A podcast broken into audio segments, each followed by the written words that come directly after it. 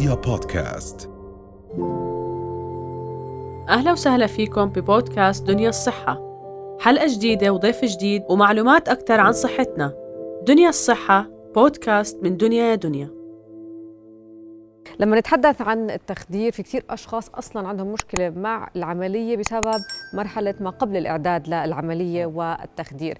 آه، هناك أنواع وهناك مراحل آه، لا تجهيز المريض. خلينا نتحدث عن فكرة التخدير بشكل عام وعلى ماذا تعتمد. آه، بالبداية بنحب نحكي إنه في ثلاث مراحل بمر فيها التخدير.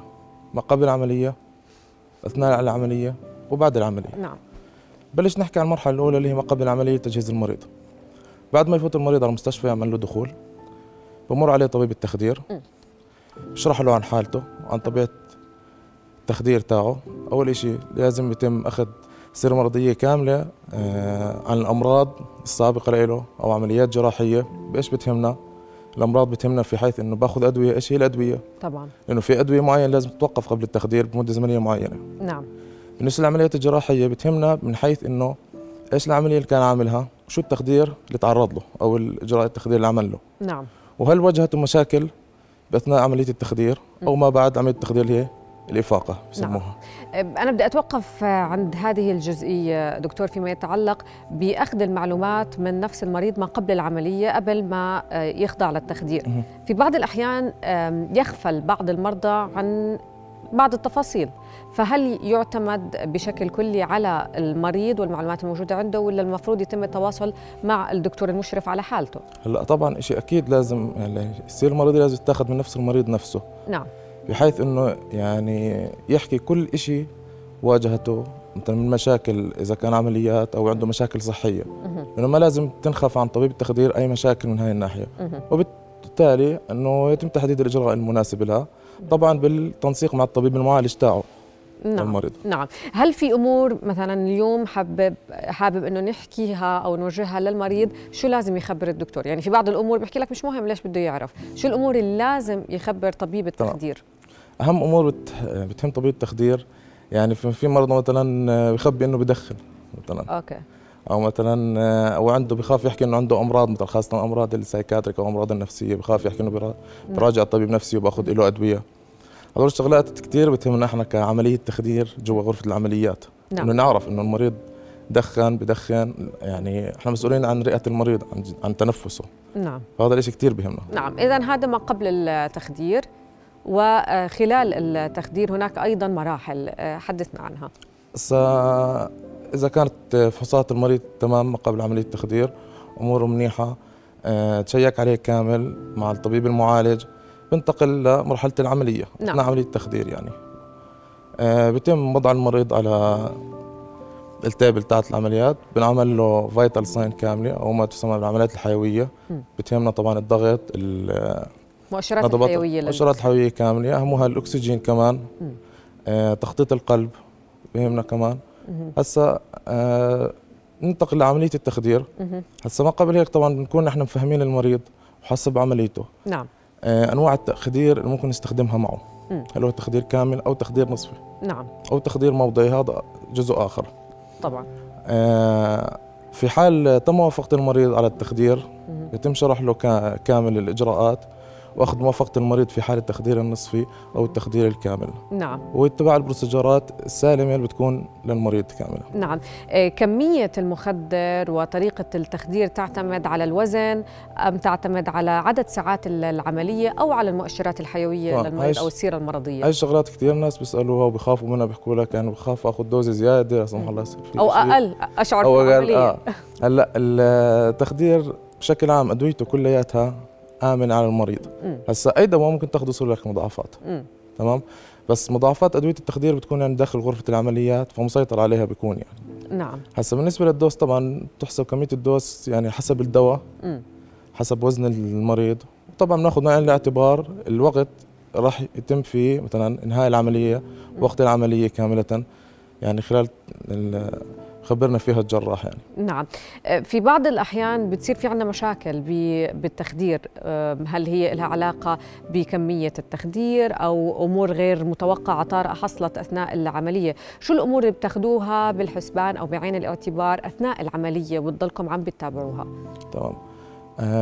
هسا آه أي عملية جراحية اسمها عملية جراحية لا تخلو من مضاعفات. طبعا المريض فايت على غرفة عمليات بده يطلع منها يعني بده مش راح يرجع إنه 100% بني آدم يعني زي زي زي ما دخل عليها أو زي ما كان يعني. هلأ آه مضاعفات إحنا بنحاول نتجنبها زي ما حكيت لك المرحلة الأولى اللي هي عملية ال pre-operation أو تنسيق آه تحضير المريض. نعم. إنه من ال history كامل من الفحوصات إحنا بهمنا كتخدير يعني بنفوت على مرحلة اسمها ال intubation أو التنبيب التنبيب الرغامي نعم. هاي بيتم تقييمها شو مع المريض هاي المرحلة؟ هلا بشرح لك نعم. عنها بيتم تقييمها انه عن طريق المريض هلا هذا بالنسبة للتخدير الكامل هي عملية بيتم وضع انبوب بالمجرى التنفسي بوصل للرئة وبنشبك على جهاز تنفس اصطناعي جوا العملية م. هلا هاي العملية آه، ممكن تواجهنا صعوبة فيها م. فبالتالي في criteria معينة بنتبعها فحص المريض إحنا نعم. خاصة المظهر الخارجي المريض إذا كان يعني زي ما بيحكوا obese أو م. ناصح آه، التجويف الفموي للمريض نتبعه. في يعني criteria عدة نتبعها عشان نحدد إذا هاي العملية راح تكون معنا صعبة أو متوسط أو سهلة غرفة العمليات. نعم. أيضا في بعض الحالات بيكون المريض متعود على أنواع من المسكنات أو العقاقير. مهم جدا يكون طبيب التخدير على علم بهذه الأدوية صحيح؟ شو مدى تأثيرها على نجاح آه، فترة التخدير خلال العملية؟ طبعا المسكنات والعقاقير خاصة يعني اللي بيحكوا يعني في ناس باخذوا مسكنات قوية مثل مرضى الأعصاب ومرضى الديسك هاي يعني تعتبر مسكنات جدا قوية وأدوية الضغط والسكري. نعم. كل هاي بتعتمد برضه على مدى فعالية أدوية التخدير عندنا إحنا كمان. نعم. وشو الأمور اللي لازم كمان آه، إحنا لسه ما وصلنا ما بعد العملية آه. وانتهاء العملية. شو الأمور اللي لازم يمتنع عنها ما قبل بليلة من العملية من أجل نجاح التخدير أو فيما يتعلق بالتخدير؟ هلأ زي ما حكينا إنه بال المرحلة الأولى. هي كلياتها بالمرحلة الأولى بنحكي فيها بنفهم المريض فيها كامل إنه لازم يصوم قبل 8 ساعات من نعم. إجراء عمليته. هذا بالنسبة للكبار.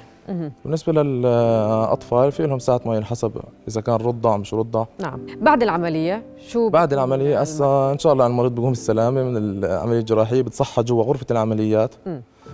بنتقل خارج إلى منطقة اسمها ريكفري أو غرفة الإفاقة. برضه هناك يتم الاعتناء بالمريض من خلال الطاقم الطبي.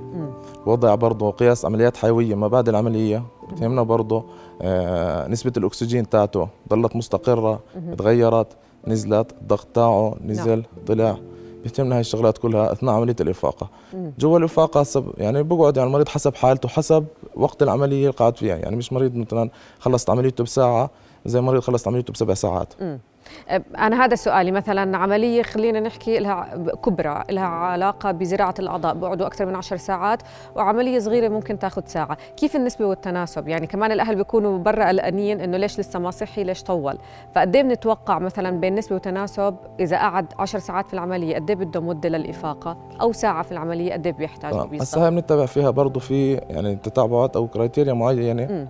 آه، تتسلسل فيها إنه خطة إنه إنه نخرج المريض من مرحلة الإفاقة أو نعم. من غرفة ال recovery للعمليات م. زي ما تفضلتي إذا عملية صغرى يعني نحكي مثلا زي عملية مثلا الزائدة أو المرارة يعني ممكن يعني يقعد فيها ربع ساعة ثلث ساعة نص ساعة إذا كانت عملياته مستقرة ما واجهتنا مشاكل جوا غرفة العمليات نعم. أو مضاعفات هاي أكثر شيء بنعتمد عليها بالمرحلة الإفاق اللي هي آخر شيء مضاعفات واجهتنا جوة غرفة العمليات أو ما واجهتنا نعم وفي طريقة معينة للإفاقة بتعتمدوها؟ آه في بروسيجر معين بتتبع أول شيء يعني تساعد المريض أو الإفاقة تاعته نعم. غرفة العمليات نعم. عن طريق إعطاء أدوية أخرى نعم. غير الأدوية اللي انعطى منها تحويل يعني إحنا جوا غرفة العمليات بيكون المريض محول على جهاز نعم. يعني رئته بتكون محولة على جهاز تنفس اصطناعي كاملة رئة نعم. خارجية يعني نعم نصيحة أخيرة دكتور إذا بتحب توجهها للأشخاص اللي مقبلين على عملية. أول شيء يعني بنصحكم إنه ما ما تخافوا من أي شيء اسمه طبيب تخدير أو طب التخدير ما تخافوا من الأدوية ما تخافوا من غرفة العمليات نفسها. يعني إجراءات آه، طبية سلسة. إن شاء الله على الجميع. شكرا دكتور محمد. يعطيك ألف عافية. رؤيا بودكاست.